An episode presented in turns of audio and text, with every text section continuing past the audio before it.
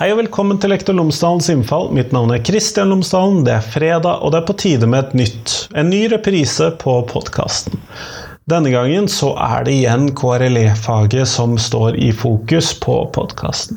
Jeg henter fram episode 124 med Inge Andersland, og der snakket vi om KRLE-faget og hvordan det så ut, hva det fortalte oss om religion, hvordan vi kunne forstå dette. Vi angrep nye, det utkastet da, som da forelå til ny læreplan, sett fra våre to livssynsvinkler, meg som eh, humanetiker, han som kristen, og vi så på læreplanen og hvordan den kunne forstås den gang da eh, ut ifra det.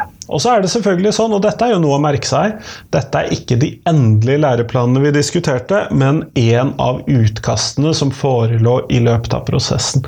Men likevel så tenker jeg at dette er interessant, fordi at det forteller noe om ulike måter å tolke læreplanene på, ulike måter å forstå de på, ut ifra livssynstilhørighet. Hva betyr dette? Hva betyr de ulike begrepene? Og hva kan disse læreplanene forteller oss om religion, og hvordan vi forstår religion i samfunnet. Og så anbefaler jeg selvfølgelig å sjekke hvordan læreplanene ble til slutt, og det ligger en lenke i shownotene Ellers, podkasten min er sponset av Fagbokflagget.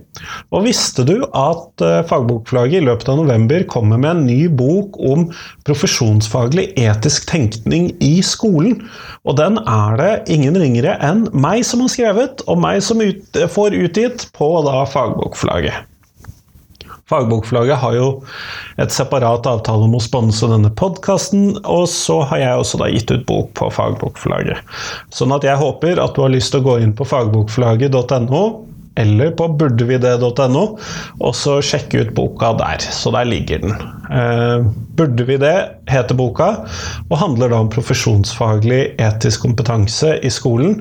Og jeg håper at dette kan være hva skal vi kalle en praksisnær og pragmatisk og klasseromstett bok om da hvordan vi tenker om etiske valg i skolen. Dette er kanskje ikke læreboka i hvordan forstå de etiske modellene, selv om de også gjør en opptreden i boka. Men dette handler om hvordan møte elevene i klasserommet, hvordan være en kollega osv. Det er den siden ved den etiske tenkningen som ligger der. Eh, Podkasten er som jeg har sagt sponsa av Fagbokflagget. Du finner de på fagbokflagget.no med alle de bøkene som de utgir. Min bok om profesjonsfaglig etisk kompetanse er en av de. Burde Men nå nå får du Inge Andersland, vær så god.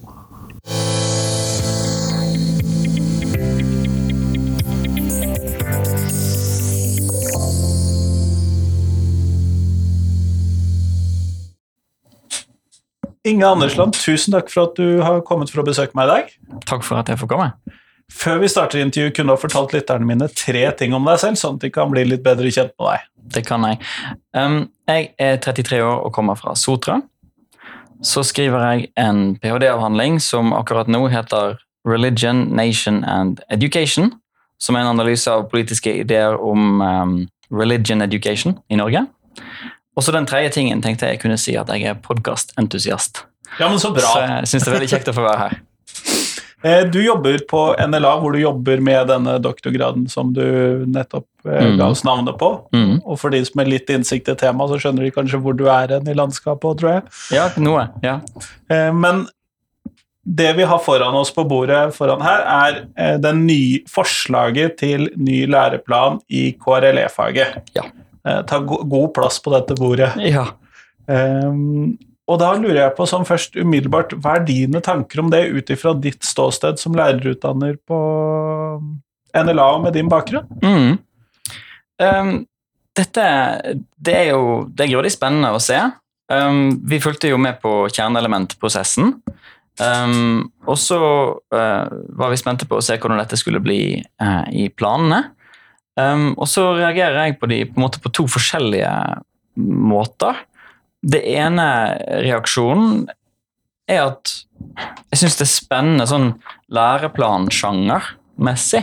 Det de har gjort, at de har kutta de foreslår å, å, kutte så kraftig i antall eh, kompetansemål. Ja, for dette er jo det faget som tidligere har hatt flest kompetansemål. Ja, og, og jeg har jeg, Det var en gang jeg ble intervjuet av en journalist for å snakke om sånne prosenter i faget og sånn, og da, da satt jeg og telte kompetansemål til den saken. For å, og, og det er jo en jeg, jeg, tror, jeg, tror, egentlig det, det er tullete å telle kompetansemål, men det siden de står i, står i, punkter, så inviterer det liksom veldig ja. til en sånn telle om Ja.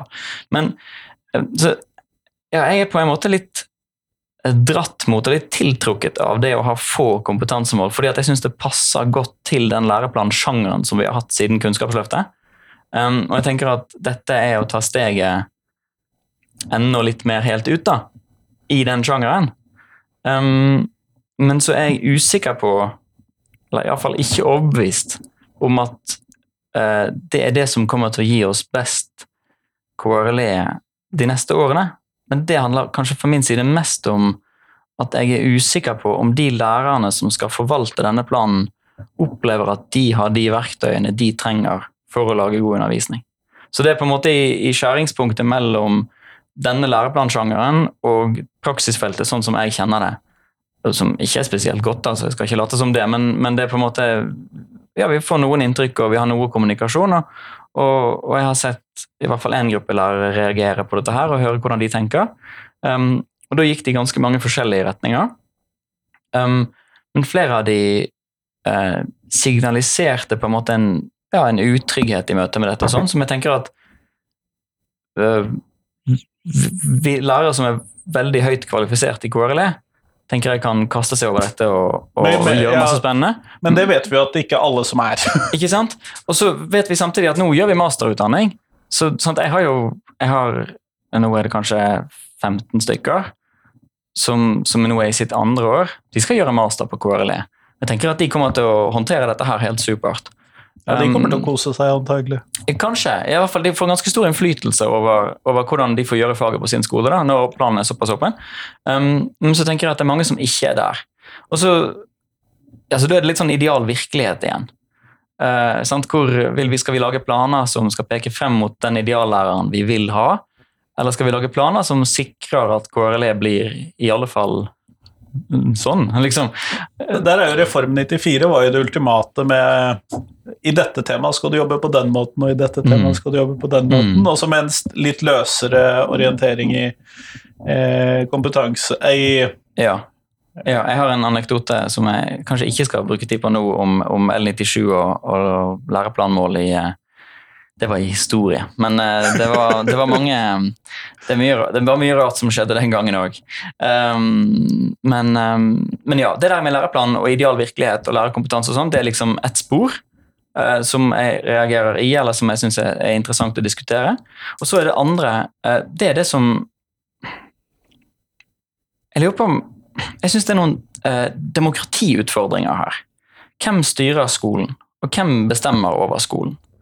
Fordi vi har jo Altså, vi har et fag som har en egen paragraf i opplæringsloven.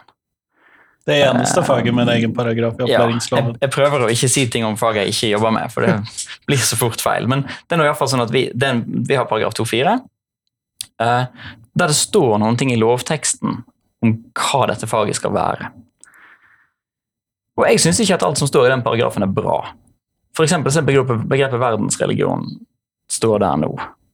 Uh, og jeg syns Trine har, altså Anker har argumentert veldig godt for at det begrepet er vanskelig og har negative sider med seg. Og vi kunne gått til gode fagdidaktiske grunner for å bare legge det vekk.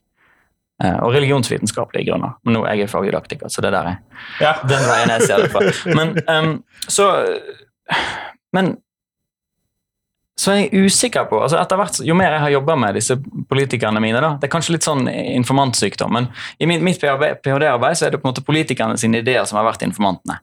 Og så blir jeg kanskje ikke om glad i rette ordet, men mm, det er noe med at det er Stortinget sitt privilegium i et demokrati å, på en måte markere uh, Ja, det, denne siden ved skolen har de tydelig signalisert at dette vil de bestemme noen ting over det er en av de som har demokratisk legitimitet, på en måte. Sånn at dette er en føring som ligger gjennom den demokratiske vedtatte paragrafen for faget? Ja, og, og på en måte den viljen som eh, ja, ja, den styringen som kommer fra det politiske, da. Jeg tenker at det har en demokratisk legitimitet og en verdi um, som vi fagfolkene ikke har.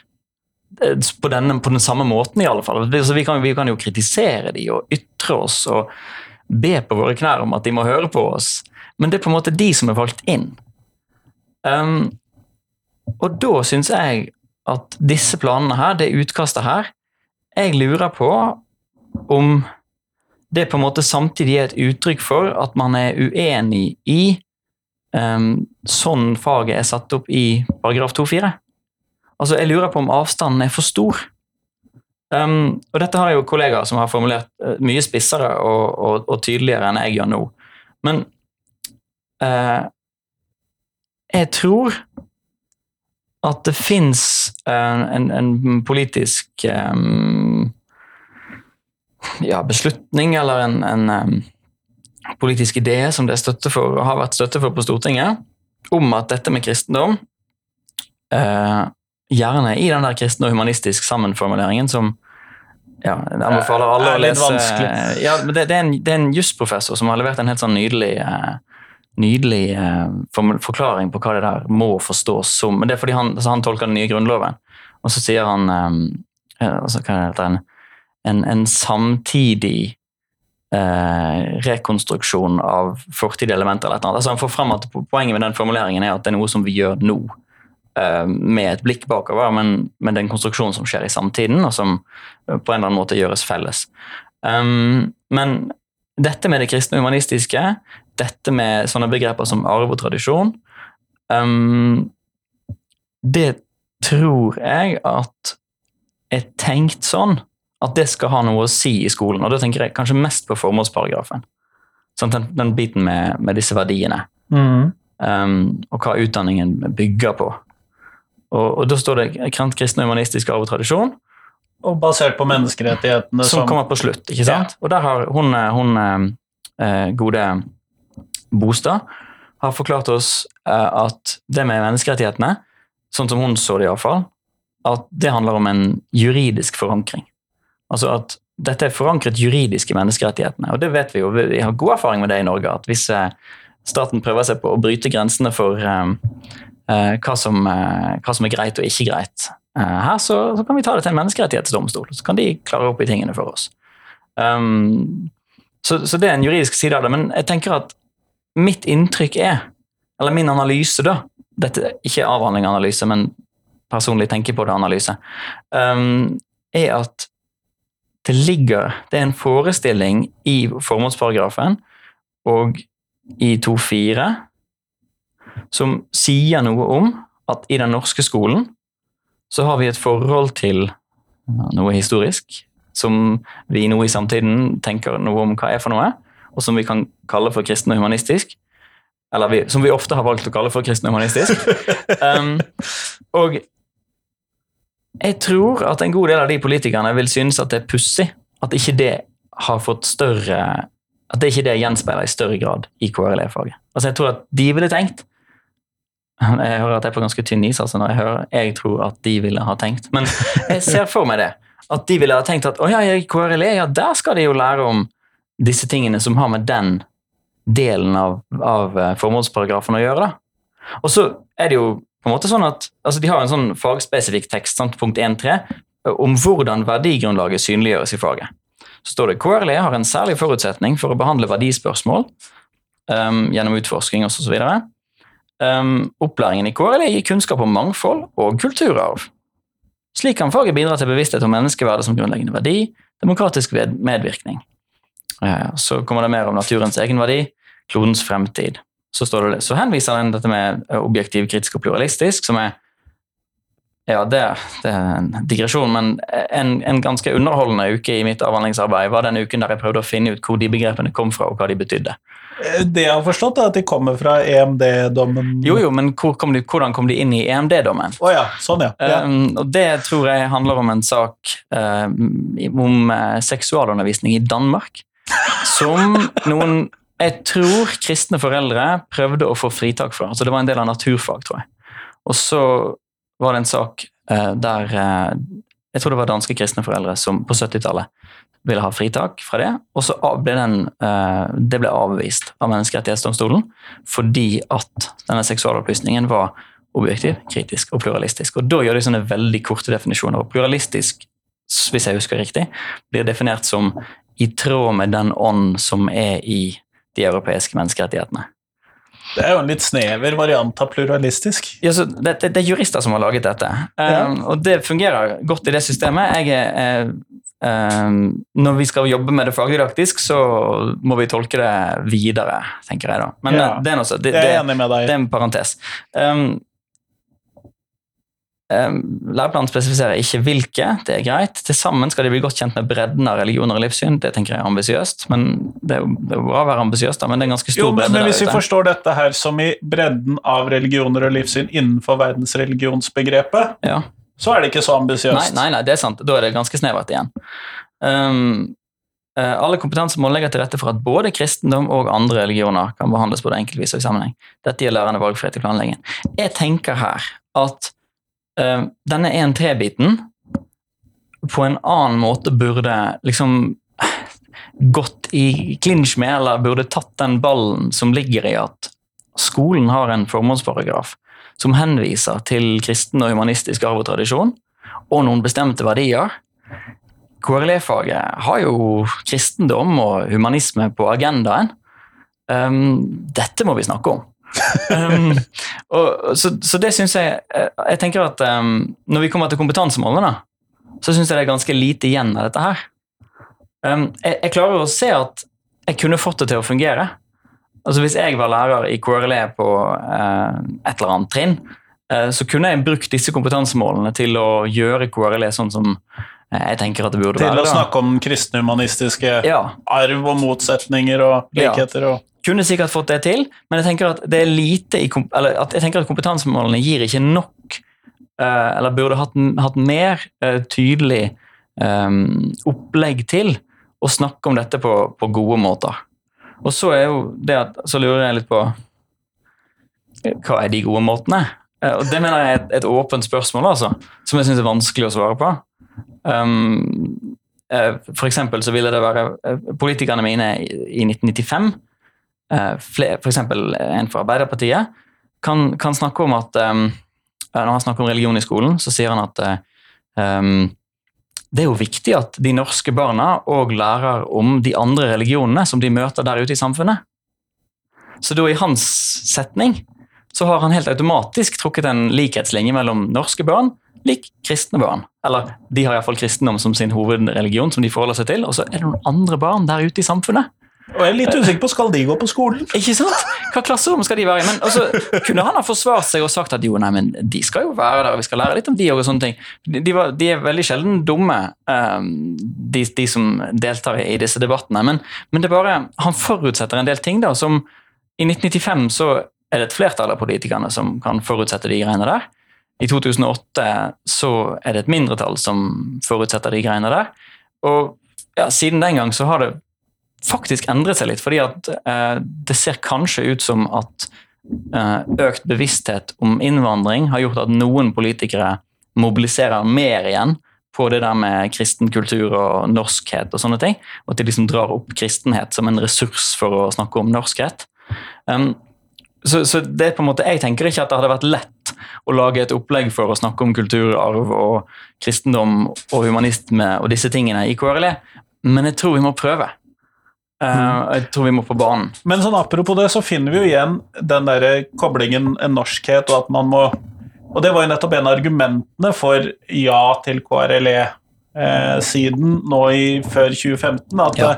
eh, de norske elevene må bli kjent med sin egen tro før de Mm. kan stå trygt og møte alle de andre. Ja. Ja. Så den kommer jo ganske tydelig tilbake igjen her, da. Ja. Uten at vi nå, nå For den er, er ikke, her- den er ikke her i planene, sant? Nei, men- men, men det vi- var i den politiske debatten når, vi, når K-en kom tilbake. Ja.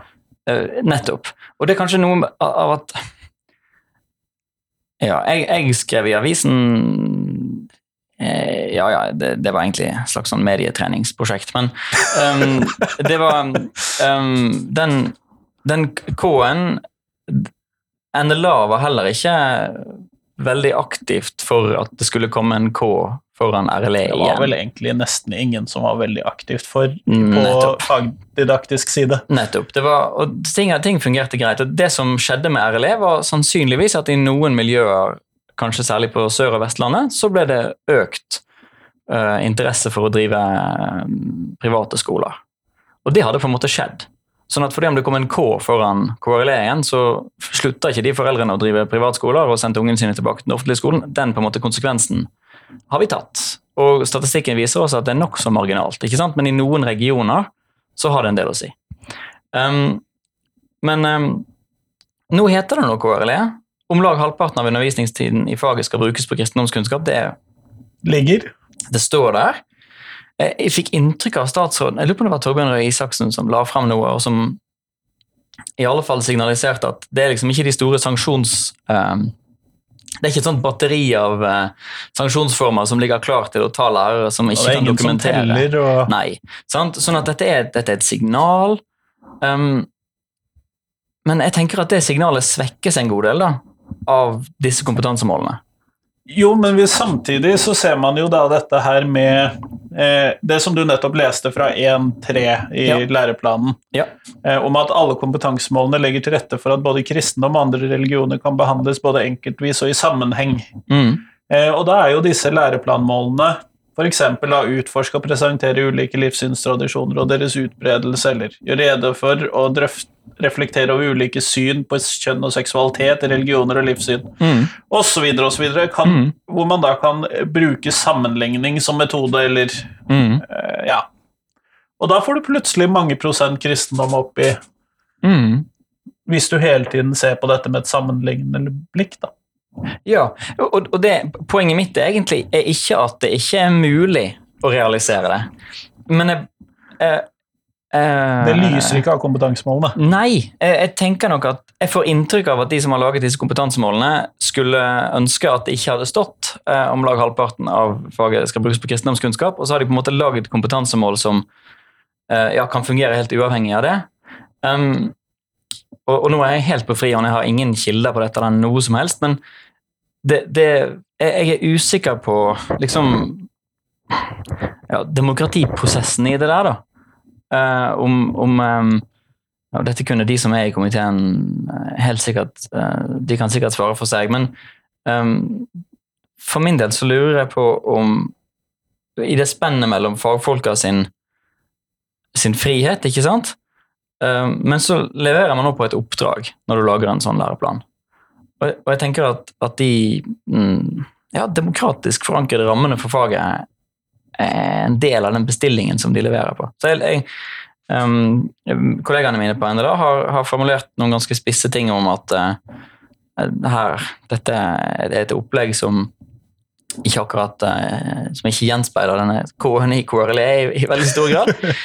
um, og Det tror jeg de har rett i. Og så tror jeg altså at, som, som, som du er inne på, at det går an å få det til.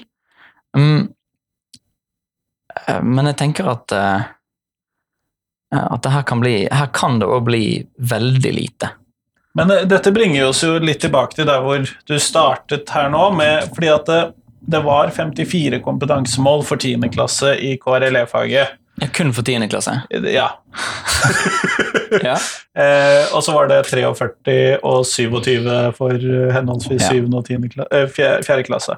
Mm. Eh, men nå er det blitt til ni. Mm. eh, og så er det åtte for fjerde trinn, tror jeg. Mhm. Jeg telte meg til, og så har jeg ikke orket å telle sjuende trinn ennå. Mhm. Eh, sånn, dette er jo en barbering uten like. Ja. Dette er helskjegg til eh, nybarbert. ja, ja, ja. Eh, sånn, det, det blir jo en veldig annerledes læreplan, og det jeg har tenkt når jeg har sett på andre fag, er at eh, man i mye større grad ikke bare leser kompetansemålene, men du må liksom lese disse introduksjonsbitene, og så må du lese kompetansemålene i lys av introduksjonene. Mm.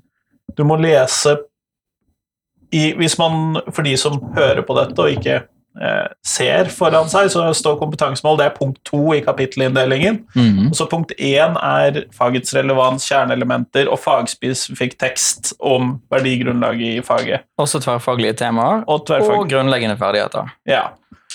Sånn at det virker for min del mer som at man må lese kompetansemålene gjennom en linse, da, mer enn Ja. før, hvor man bare Vi driter i alt som er før, og så leser vi Ja, og det tror jeg du har rett i. Altså. Og jeg tenker at her må vi lære Eller eh, vi, da. Men noen må eh, Lærerne må lære seg på nytt å lese læreplaner. Ja, altså det, er- det er virkelig en, um, en, en, en utfordring på den måten der. Og- det, eh, på NLA så, så er vi med litt grann i, i arbeidet til Bergen kommune med å forberede fagfornyelsen. og Jeg syns det er skikkelig stilig at Bergen kommune kjører en egen prosess på dette her. De har en ganske stor prosess. Ja, det, det er kjempefascinerende. Um, og, um, og vi har vært inne litt grann nå på en skole.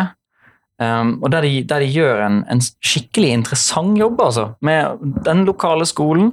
Setter seg ned med disse planene, og så spør de ja, disse tverrfaglige temaene. Bærekraftig utvikling, folkehelse, livsmestring, demokrati og medborgerskap. Hvordan skal vi gjøre det? Hva er det hos oss? Jeg tenker det er kjempebra.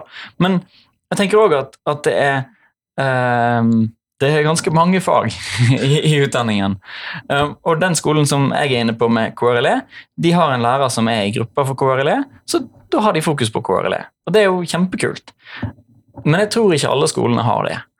Um, jeg tror at det finnes skoler der KRLE blir liggende litt på siden, um, og der det fort skjer at, at lærerne uh, tar det som står i ei lærebok, og, og, og på en måte ikke får gjort den der selvstendige jobben da, med å operasjonalisere læreplanen lokalt. Jo, men hvis én skole Hvis vi da forholder oss til denne bergensprosessen Ja. Kjæresten min er frikjøpt til 20 timer for å delta i dette for mat- og helsefaget. Ja. Men det er jo da ikke alle skolene i Bergen som Noen av skolene i Bergen er med i den gruppen, og så noen i KRLE-gruppen. og sånn. Så er det jo et håp om at dette da sprer seg ut til alle skolene fra alle disse gruppene. Da. Det er vel, jeg håper at det er intensjonen. Jeg har ikke Ja. sett noe det- dokument på dette. Men det tror jeg at det er. Men da er vi jo fremdeles bare i Bergen kommune. Ja, det er vi. Eh, og det syns jeg er en veldig fin og viktig kommune. Men, men, eh, men det, det bor jo Det ikke, andre det er ikke mennesker. Fjell kommune. Nei. eh, eller Nye Øygarden. Um, men, men det er um, og, der kjenner jeg liksom på det at altså Som ja, en ung og skikkelig junior fagdidaktiker, så var det likevel det var ganske mange lys som gikk opp for meg når jeg satt på den første samlingen av Bergen kommune og tenkte å du hendelse, de har masse å si. Um, dette er et grådig viktig nivå. Og så tenkte jeg etterpå at hjelp meg så stor forskjell det må være på de kommunene. Så jeg er blitt veldig nysgjerrig på skoleeier eh, Fagfornyelsen i Indre Gokk kommune. Ja, altså, hvordan, ja, hvordan ser dette ut da i, i, eh, i en kommune som har 2000 innbyggere, eller 500? Ja, eller ikke for det, men vi vet jo ikke hva de gjør i Trondheim.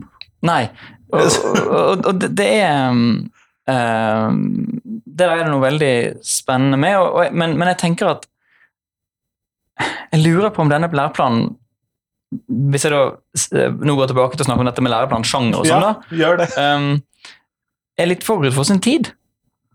Altså at den, at den eh, vil kunne passe bra i en skole der hver skole har i hvert fall ett menneske som har master i KRLE. Det er jo en slags drøm, da. Ja, at- det, det ville vært en god det- forbedring. Det går an, tror jeg. Mm. Og i hvert fall et menneske som har 60 studiepoeng i KRLE. Eh, Og som kan nummeret til noen som har master i KRLE. Vi legger ikke lista så høyt ennå, altså. Nei, men, men det er på en måte, Hvis alle skoler skal ha en med master, det er ganske mange, men uh, det, vil, det vil ta en stund. Men, men at, at man på en måte har uh, et nettverk av lærere som forholder seg til hverandre som sånne ja, som folk som har master, og som vet at det går an å, å, å forholde seg til det, så tenker jeg at dette kunne blitt noe veldig spennende. Men jeg, jeg er veldig usikker på hvordan det blir de første årene, da. Ja, fordi at KRLE-faget er jo kjent for å være blant de fagene med færrest som oppfyller kravene til Færrest lærere som oppfyller kravene til lærere med fagkompetanse. Ja. Det er klart jeg får setningen ut riktig. Ja. Eh, så det kan jo være en, absolutt en problemstilling her. Mm. Den gamle læreplanen var jo litt sånn Du skal ta med dette og dette og dette og dette og dette og dette og dette. Og så dette og dette. Ja. Eh, og det skal du ha med. Og, og det, jeg, jeg kjenner jo ikke den læreplanprosessen noe særlig godt heller, men for meg så fremstår den som en sånn kompromisslæreplan mellom den gamle L97 Gudmund Hernes du skal gjøre sånn, som jeg sier, læreplan, um, og på en måte mer en sånn uh, målstyrt uh, eh, målstyrt og veldig overordnet måte å styre skolen på, sånn som, sånn som dette her ser ut som mer. da. Og det det, Poenget mitt er ikke at den gamle var gull og dette er gråstein, men det er mer at sant, nå er det dette de har lagt fram, så da må vi diskutere det. Ja. Um, og, eh, og ja, da blir jeg ganske usikker. Men em, jeg har lyst til å gå litt tilbake igjen til dette med KR og kristendom og kulturarv og sånne ting. Fordi at em, eh, du har jo annen livssynsmessig adresse enn meg. ja, det har jeg. Um, og, og, og, og det hadde vært i det, i det der um, Jeg tror at en sånn majoritet-minoritet-dynamikk rundt de greiene her som det er vanskelig å få til riktig. Som jeg ser for meg f.eks. at det fins en hel del mennesker i Norge som tenker at siden vi bor i Norge, så må jo de lære om kristendom skikkelig. Eh, og gjerne lære å synge salmer, kanskje. Eller, altså, man har jo finnes masse voksne mennesker i Norge som har, har eh, en erindring eller har med seg noe fra en barndom eller noe sånt som de tenker har en slags verdi, da. Selv om de nå navigerer livssynsidentiteten sin på nye og, og spennende og frie og overraskende og mangfoldige måter. Um, ikke sant? I den, den, det landet vi lever i nå, så, så kan de ha ganske sterke meninger om at ja, men i skolen de må jo lære bibelhistorie.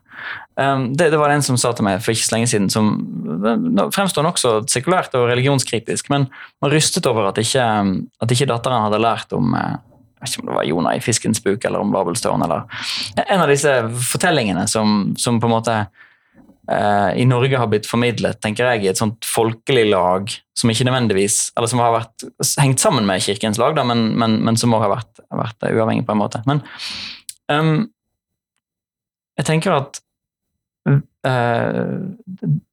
der, altså Majoriteten kan ha lett for å bare absolutere sin egen posisjon, ikke sant? Mm.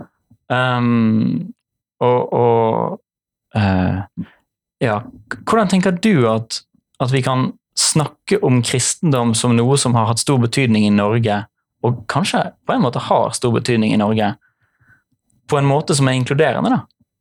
Mhm. Eh, Jeg tenker jo i utgangspunktet at det ikke er så vanskelig. Eh, Og her er det jo et skille mellom selvfølgelig eh, kristendomskunnskapsfaget, det gamle kristendomskunnskapsfaget som jeg startet på skolen med, Ja, jeg eh, som inneholdt alle disse bibelfortellingene. Ja, og jeg tror vi finner veldig liten plass til de ut ifra disse kompetansemålene her. Ja, absolutt. Eh, og vi er jo oppvokst i en kultur, og jeg sliter med det at jeg sier tidvis her i Norge så gjør vi sånn. Ja. Eh, og hvor jeg tillegger et vi som jeg da ikke er en del av eh, selv. ikke det interessant? Jo, og det, jeg syns det er kjempeinteressant. Eh, men først og fremst så tenker jeg at det er viktig at man prøver å gjøre noe med disse begrepene majoritet og minoritet oppi det hele. Ja, Eh, hvis vi starter så langt tilbake i spørsmålet ditt. ja gjerne. Fordi at eh, krist... Eller mange kristne i Norge, Ja. eh, og ikke minst mange politikere i Norge, Mhm. oppfatter kristendommen, og kirken ikke minst, oppfatter kristendommen og de kristne som en majoritet i Norge. ja. Og så har man samtidig en annen gruppe med kristne i Norge som oppfatter at de kristne er i minoritet i Norge. Helt, helt enig. Eh, og særlig blant de mer karismatiske eller mer pietistiske. Mhm. Begge gruppene Ja. eh, oppfatter at de er en minoritet mm. i troslandskapet. Veldig sterkt. Og, ikke, og for min del så kan vi jo da trekke en analogi over til muslimer som mener at andre muslimer ikke er gode nok muslimer, så de teller Ja, ikke som muslimer. Ja. Eh, type tankegang, men eh, mindre problematisk variant kanskje, siden man ikke Ja, det er vanskelig å sammenligne, men, men Ja, ja, bare fortsett. Samtidig så har vi da en humanisme, og det er jo sekulærhumanismen da, i denne sammenhengen, mm. altså mitt ståsted, som både oppfatter at vi står for det som de fleste i Norge står for, Ja.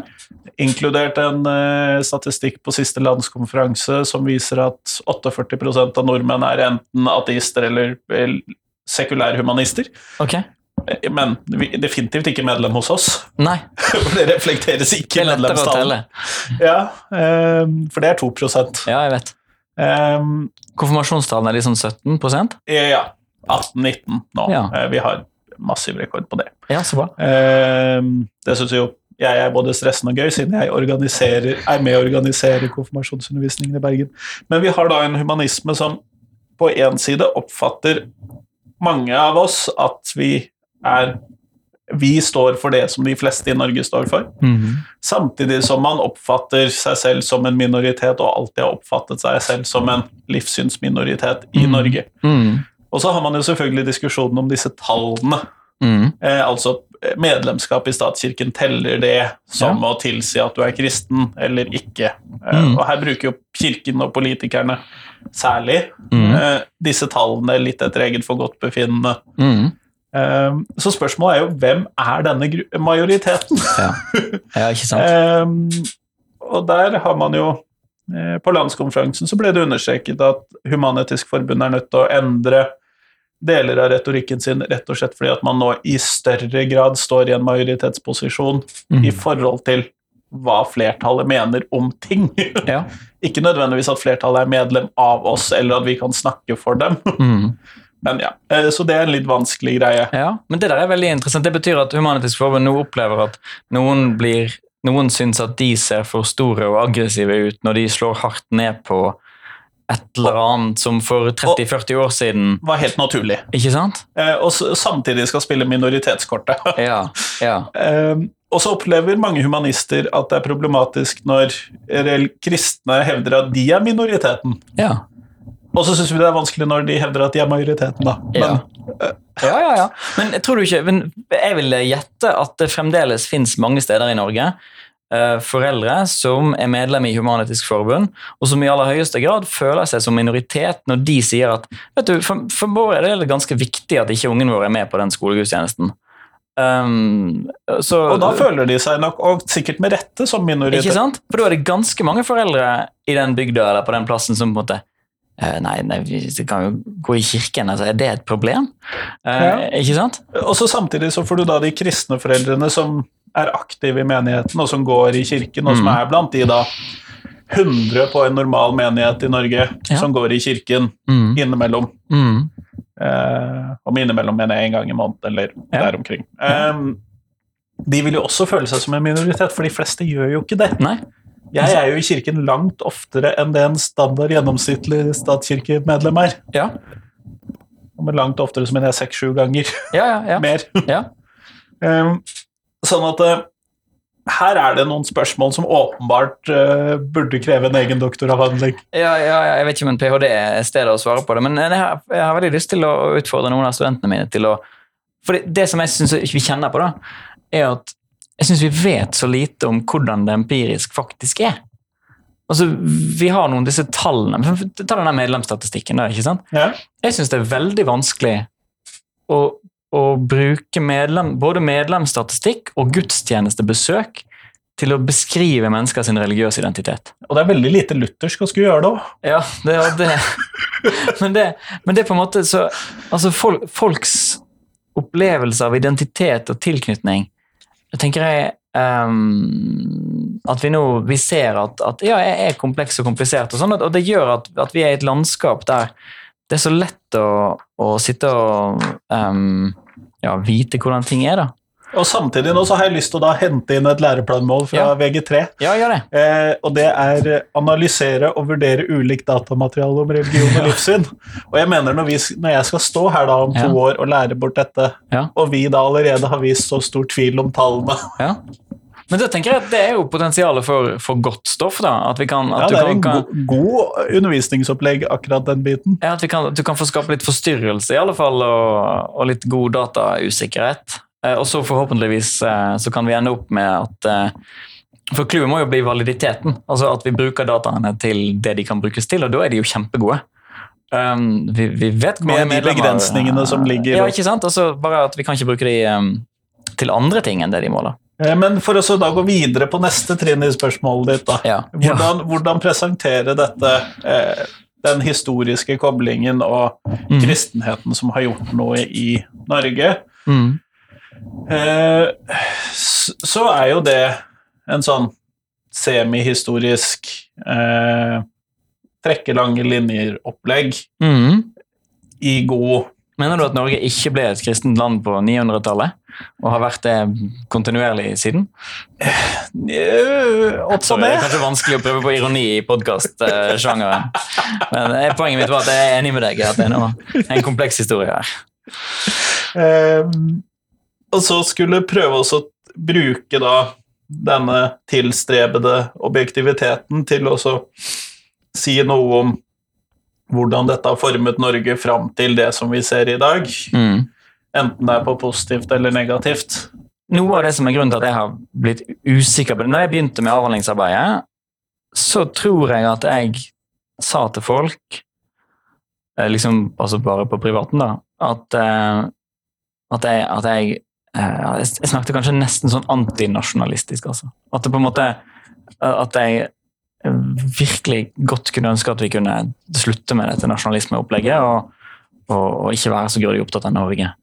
Um, eller England. Jeg synes sånn Formuleringer om- som, som norske verdier, eller britiske verdier, eller danske verdier er veldig problematiske formuleringer som i alle fall hvis ikke de tydelig kommuniseres som at uh, dette er noe som henger sammen med noe annet. Um, I den 95-debatten min så er det morsomt, fordi de har jo en EU-debatt veldig tett på kroppen. Så når Jan Tore Sanner snakker som ung Høyre-representant den gangen, så, så peker han på europeiske verdier. Takk, ikke sant? Mens Senterpartiet av en eller annen grunn ikke er så opptatt av de europeiske verdiene. verdiene. en eller annen grunn. Men, men Senterpartiet er jo større, større enn Høyre i, akkurat det Stortinget. Ja, på grunn av de greiene der. Så, men så har vi jo hatt det, det når jeg begynte, det var i 2012-2013. var det jeg begynte å putle på med dette, så det, det må snart ta slutt. Men uh, um, siden det så har, vi, så har vi fått brexit, og så har vi fått Trump, og så har vi sett i land etter land at det deler seg i en sånn uh, ganske tøff deling mellom ja, som En av de aksene vi kan prøve å bruke for å prøve å forstå den delingen, kan handle om globalt fellesskap versus nasjonalt fellesskap. Og så blir jeg grådig usikker. Fordi jeg um, Sånn statistisk så er ikke det så overraskende at jeg er globalist. Jeg har kjempelang utdanning, jeg har vokst opp nært en by, kan noen språk, liker å lese. Um, og, og, og, det er på en måte ikke så overraskende at, at eh, jeg sier sånn Nei, nasjon, liksom. Hva skal jeg med det? Um, og så I tillegg så har jeg en sterk religiøs identitet. ikke sant? Jeg er kristen, har vært kristen hele livet og forholder meg til En del av det kristne kirke. globale Ikke sant? Som òg inviterer til en sånn global måte å tenke på. Dette Norge-greiene er en sånn kortvarig prosjekt, eh, sammenlignet med kirkeprosjektet. Selv om ja, masse å si om det. Um, men så snakker jeg med folk, og så leser jeg ting som folk skriver i avisen. Um, og så blir jeg veldig usikker. Hvis jeg hadde fått gjennomslag og kunne forandre på, på dette med nasjon og, og Hvis jeg hadde tatt vekk det, så hva hadde, hva hadde skjedd da? Altså, jeg lurer på, Dette er egentlig et sosiologisk spørsmål, tror jeg. Sånn, hva, er, um, hva behov har mennesker for å ha en gruppe rundt seg som de opplever at de er en del av? Um, og har, og med, sånn, med et lokalt, faktisk fysisk sted. Nå driver de med, med arkeologiutgravinger på, på Bildøy, ute med Sotra, der som jeg kommer fra. ikke sant? Jeg kan bruke de ordene. Uh, vokste opp der ute. Og jeg kan se, se på disse her arkeologivideoene som universitetet har laget. Helt fantastiske videoer om hvorfor folk bodde der. Så blir jeg helt varm om hjertet. Altså, ja, dette er mitt sted. Ikke sant? Det der greiene betyr noe. Um, og så akkurat for min del så har ikke det så masse å si om Bildøy er en del av Sotra eller Bergen eller Hordaland eller Norge eller Europa eller what not, men det stedet er jo det viktig. Og, så det er noe uh, Jeg er interessert i å, å høre på at folk kan fortelle meg om hvordan vi kan håndtere det behovet for lokal identitet og ja, kanskje tilknytning, eller jeg vet ikke. Men eh, på en måte som helst ikke er så grådig ekskluderende. Eh, ikke sant? For vi kan tegne opp eh, dette på mer eller mindre ekskluderende måter, tenker jeg. Um, men òg at da, jeg tenker at for ganske mange i Norge så er dette med kristendom en del av den pakken. I alle fall den lokale kirken eh, er en del av den pakken. Og kanskje òg noen eh, gudstjenester på TV av og til, som, som man har. Um, og at det må vi på en måte Dette ser vi jo hver gang noen prøver å legge ned en kirke et eller annet sted. Ja, Sant? Den betyr noe for folk. Og så leste jeg om, så vidt det var noen som delte på Facebook om en jaktgudstjeneste et eller annet sted i Hedmark, kanskje. Og, og de som la det ut, de harselerte eller de var ikke harselerte, var kanskje litt sterkt, stygt sagt, men var, de var ganske kritiske til at man brukte en kirke til å feire jakt. Det ble ganske pussig. Men så tenkte jeg etterpå at ja, mann ikke dette var et eksempel på at folk har noen greier som er hellig og grådig viktig for seg, nemlig den jaktkulturen som de har. Og så putter de det i kirken, som er dette bygget for sånne hellige ting. Som de har lokalt på den plassen. Jo, men samtidig, hvis vi da skal trekke noen lange historiske Ja. linjer her, da, så vi, ser man jo at fra de eldste sånn animistiske, religio, religiøse eh, starten, da. Okay. Så, så hvis man går så langt tilbake, så ser man jo ofte at jakt var en viktig del Ja, ja. av eh, av religionen og det å få jaktlykke. Ja. Eh, Eksistensielle spørsmål Ja. på, den, på den tida. få mat. Yes. Kan guden min skaffe meg mat? Ja. Vær så snill. Det er det så mye hyggeligere når vi har mat enn når vi ikke har det. Ja, ja så, og, og, Men eh, Ikke helt sammenlignbart, men jeg syns allikevel ja, det er, det, det, det er relevant for, for den koblingen, for så vidt. Eller det er ikke så rart at jakt kan være grådig viktig for folk. Um, men da lurer jeg på liksom, Whoosh, tilbake til læreplanene her. Um, om, om disse læreplanene på en måte eh, i iveren etter å ikke begå nye ja, ja, en form for overgrep, da, eller en form for i alle fall tråkke på eller ta for gitthet med disse tingene med kulturarv. Og, og, og i, i iveren etter å ikke å, å, å bidra til en ekskluderende fortelling om det kristne Norge som det dessverre er veldig vanskelig å bli med i hvis eh, du ikke har de riktige adgangskortene. Altså, vi kommer jo og nå snakker jeg om meg og deg, som da altså har vokst opp i dette landet. Um, det er jo et land med en ganske spesiell religiøs historie, sant? med noen voldsomt strenge regler og en utrolig Jeg snakket med noen fra Nederland i går, eh, elever, og prøvde å forklare de hvordan skandinaviske folkekirker har vokst frem. Altså, vi, det er ikke så godt lenge siden vi ikke hadde medlemsregister eh, i Den norske kirke. For man gikk jo på en måte bare ut fra at folk var medlemmer der. Du bodde her, ja. Fint, da. Ikke sant? Så det, så det er en veldig spesiell historie, og det er mye med den historien vi ikke kan ta med oss videre. Men jeg lurer på om ja, Jeg har blitt usikker på, i min iver etter å bygge ned sånne ting, om jeg òg er i ferd med å um, ta fra folk noe um, som gjør at ja, Som åpner opp for sånne ja, populistiske billige måter å, å utfordre det på. da. Så, så hvordan kan vi snakke om religion og nasjon og tilhørighet på en, på en um, ja, ikke-populistisk, um, troverdig, åpen måte? Det, det lurer jeg på. Ja, og, men samtidig så føler jeg at læreplanen her på en måte eh, tar høyde for det. Ok? For jeg har lyst til å trekke fram et læreplanmål fra Ja. andre klasse. Ja, kom Nei, fjerde, Fjerde fjerde klasse. Jeg leser den der eh, kapitteloverskriften hele tiden. Eh, utforske og beskrive religion og livssyn lokalt og regionalt. Ja, det var bra du sa det. Så denne kirken på Bildøy, Ja, eller er på fjell, men ja. Ja, på fjell. Eh, også disse Man finner sikkert noen sånn offergroper kanskje som en del av disse arkeologiske utgravningene på Bildøy. Og så Mhm. eh, finner man Lasse som sitter borti Human-Etisk Forbund eh, på Askøy, som Mhm. Vesthordaland heter det. Okay. Sånn sett. Um, og så um, finner man det er, Dere har sikkert noen moskeer der ute, med mindre alle sammen valfarter inn til Bergen til en av moskeene der. Ja, det vet jeg ingenting om, faktisk.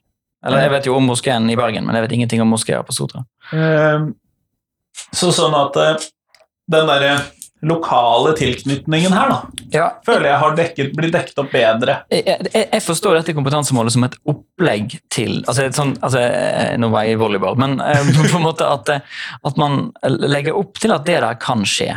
Men um, jeg tenker òg at det som kan skje her, er at uh, man uh, uh, gjør det i en sånn em, akademisk sone, eller sånn å ja, nå lærer vi om religion. Nå forstår vi, ser vi på religion, og oh, her er det en kirke, og hva er det for noe? Ok, det, sånn heter det, og her går vi, ok. Men, um, eller her går det noen. Og så, er det på en måte noe annet enn det som er eleven sitt. Altså, det, dette kan vi gjøre uten at um, uh, Og det, jeg syns dette er vanskelig på ordentlig, altså. Men den Jeg tenker at utforske og beskrive religion og livssyn lokalt og regionalt, det kan du gjøre uh, om det angår deg eller ikke. Eller det kan gjøres på måter som, som bare er å forstå ja, det er noe som er her, liksom, del av samfunnet vårt, viktig å prøve å forstå. Eller det kan være ok, her er noen greier som er viktige for oss som bor her. Og når jeg, jeg sier oss, så er det en sånn gruppegreie. sant? Og vi forholder oss til dette på ulike måter. Og jeg syns det er lett å se for meg at plutselig så blir den ekskursjonen til den lokale kirken nettopp en sånn kjip opplevelse for noen av elevene. Fordi, eller liksom at, at En sånn form for sånn eh, majoritetskultur-kristendom-greie som tar for gitt at alle sammen mm, har kristendommen i hodet sitt og, og derfor hører til denne kirken på et eller annet vis. Um, men jeg tenker òg at det kan gjøres med for stor avstand. da. Eller at det kan gjøres for på en måte, Det kan òg gjøres på en sånn måte at man, at man eh, besøker noe som ikke har så mye med seg sjøl å gjøre. Så det er den på en måte elevinvolveringen eh, i dette med lokal tilhørighet og det religiøse aspektet ved det, som jeg er usikker på om de nye planene eh, fanger opp godt nok, eller gjør For jeg tenker at sant, Det er mulig å gjøre det her, men jeg tenker òg at, at en god del lærere jeg snakker egentlig om en ganske liten gruppe lærere, som jeg nettopp eh, ekstrapolerte ut til en god del lærere. Det var bullshit. Men, um, men jeg, har, jeg, har, møtt lærere som, uh, når de leser dette, blir veldig usikre. Um, altså, ja, men hva skal vi da? ikke sant? Eller, skal, vi, skal, vi, ikke gjøre de greiene vi har gjort før? Sånn, og, og, forhåpentligvis, når de leser hele læreplaner, er vanskelige tekster å lese. Og de er besnærende på den måten at de ser så korte og lette ut. De er så innholdsmettede at, at, at en Ja, punkter er verre enn ren tekst. Hjelper meg, altså. Ikke sant? Og det Jeg, jeg um, uh, må lese de sammen med folk for å klare å, å lese de. Ellers så begynner jeg å skumlese, og så har jeg egentlig ikke lest. Uh, det, så en kan jo håpe at, at det settes i gang nok dugnader med å lese disse tekstene uh, sammen rundt omkring på skoler, men jeg frykter altså at det ikke skjer.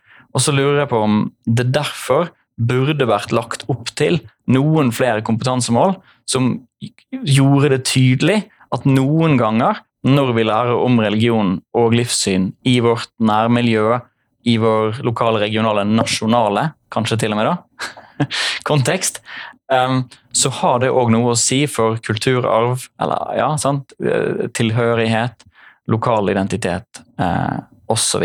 Men her Um, jeg, jeg, mener ingen av de tingene jeg sier nå som liksom, dette har jeg funnet ut av, så nå sier jeg det med stor styrke. Men, men på en måte, dette lurer jeg veldig på.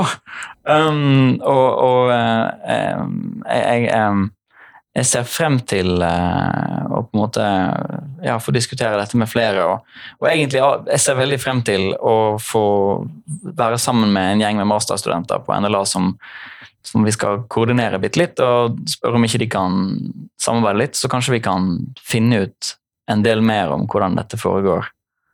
I, altså de, vil jo, de, de skal skrive masterne sine jeg tror de skal, de skal levere våren 22. Ja. Sant?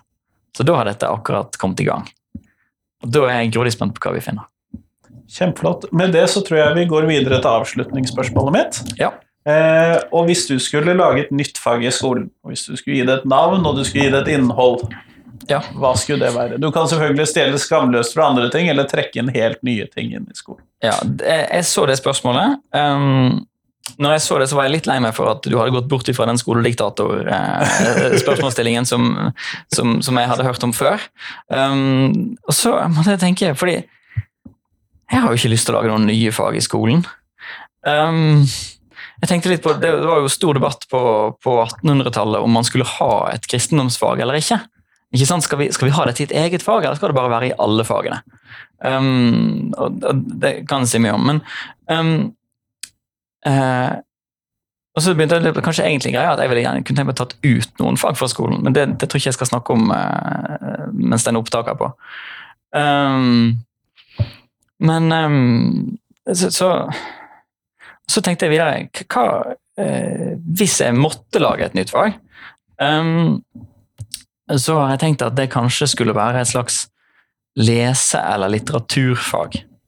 Um, og det, det, mener jeg fordi at um, Eller det har jeg tenkt fordi Når jeg snakker med de som jobber på norsk på NLA, og kona mi er norsklærer, så jeg snakker litt med henne òg om Og så ser jeg hvor utrolig mye av det som, som de driver med i litteraturbiten, um, som jeg som KRLE-fagdidaktiker-menneske òg kunne tenkt meg å vært med på. Um, så, da, så kanskje det som jeg kunne ha ønsket meg, det hadde vært et tverrfaglig rom for å lese tekster sammen. Um, der, eller høre på lydboka eller sånt da, med yngre elever. Um, men der på en måte det engelske, eller de fagene som er interessert i litteratur, eh, kunne samle seg og, og være, være, lesere sammen. Det tror jeg blir mitt, mitt svar. Kjempeflott. Tusen takk for praten. Veldig hyggelig.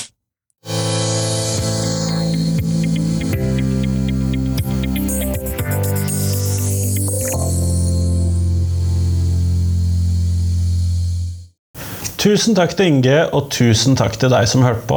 Nå er det fram til tirsdag, så kommer det en ny episode på podkasten. En helt fersk og fin en.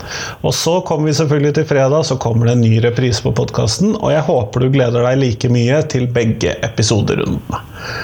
Men nå, nå, håper jeg at du kan ta deg en god helg, at du får slappet av, hvilt ut, ladet batteriene fram til mandag, og at vi kan uh, komme oss gjennom enda en ny uke. Av og til så er læreryrket hardt, andre ganger så er det lett, noen ganger er det morsomt, noen ganger er det givende, og noen ganger er det dessverre litt deprimerende. Og jeg håper at vi kan få til at det blir best mulig for oss alle, vi lærerne som jobber i skolen. Men nå, ta deg fri, sleng deg ned på sofaen, vi høres, hei hei.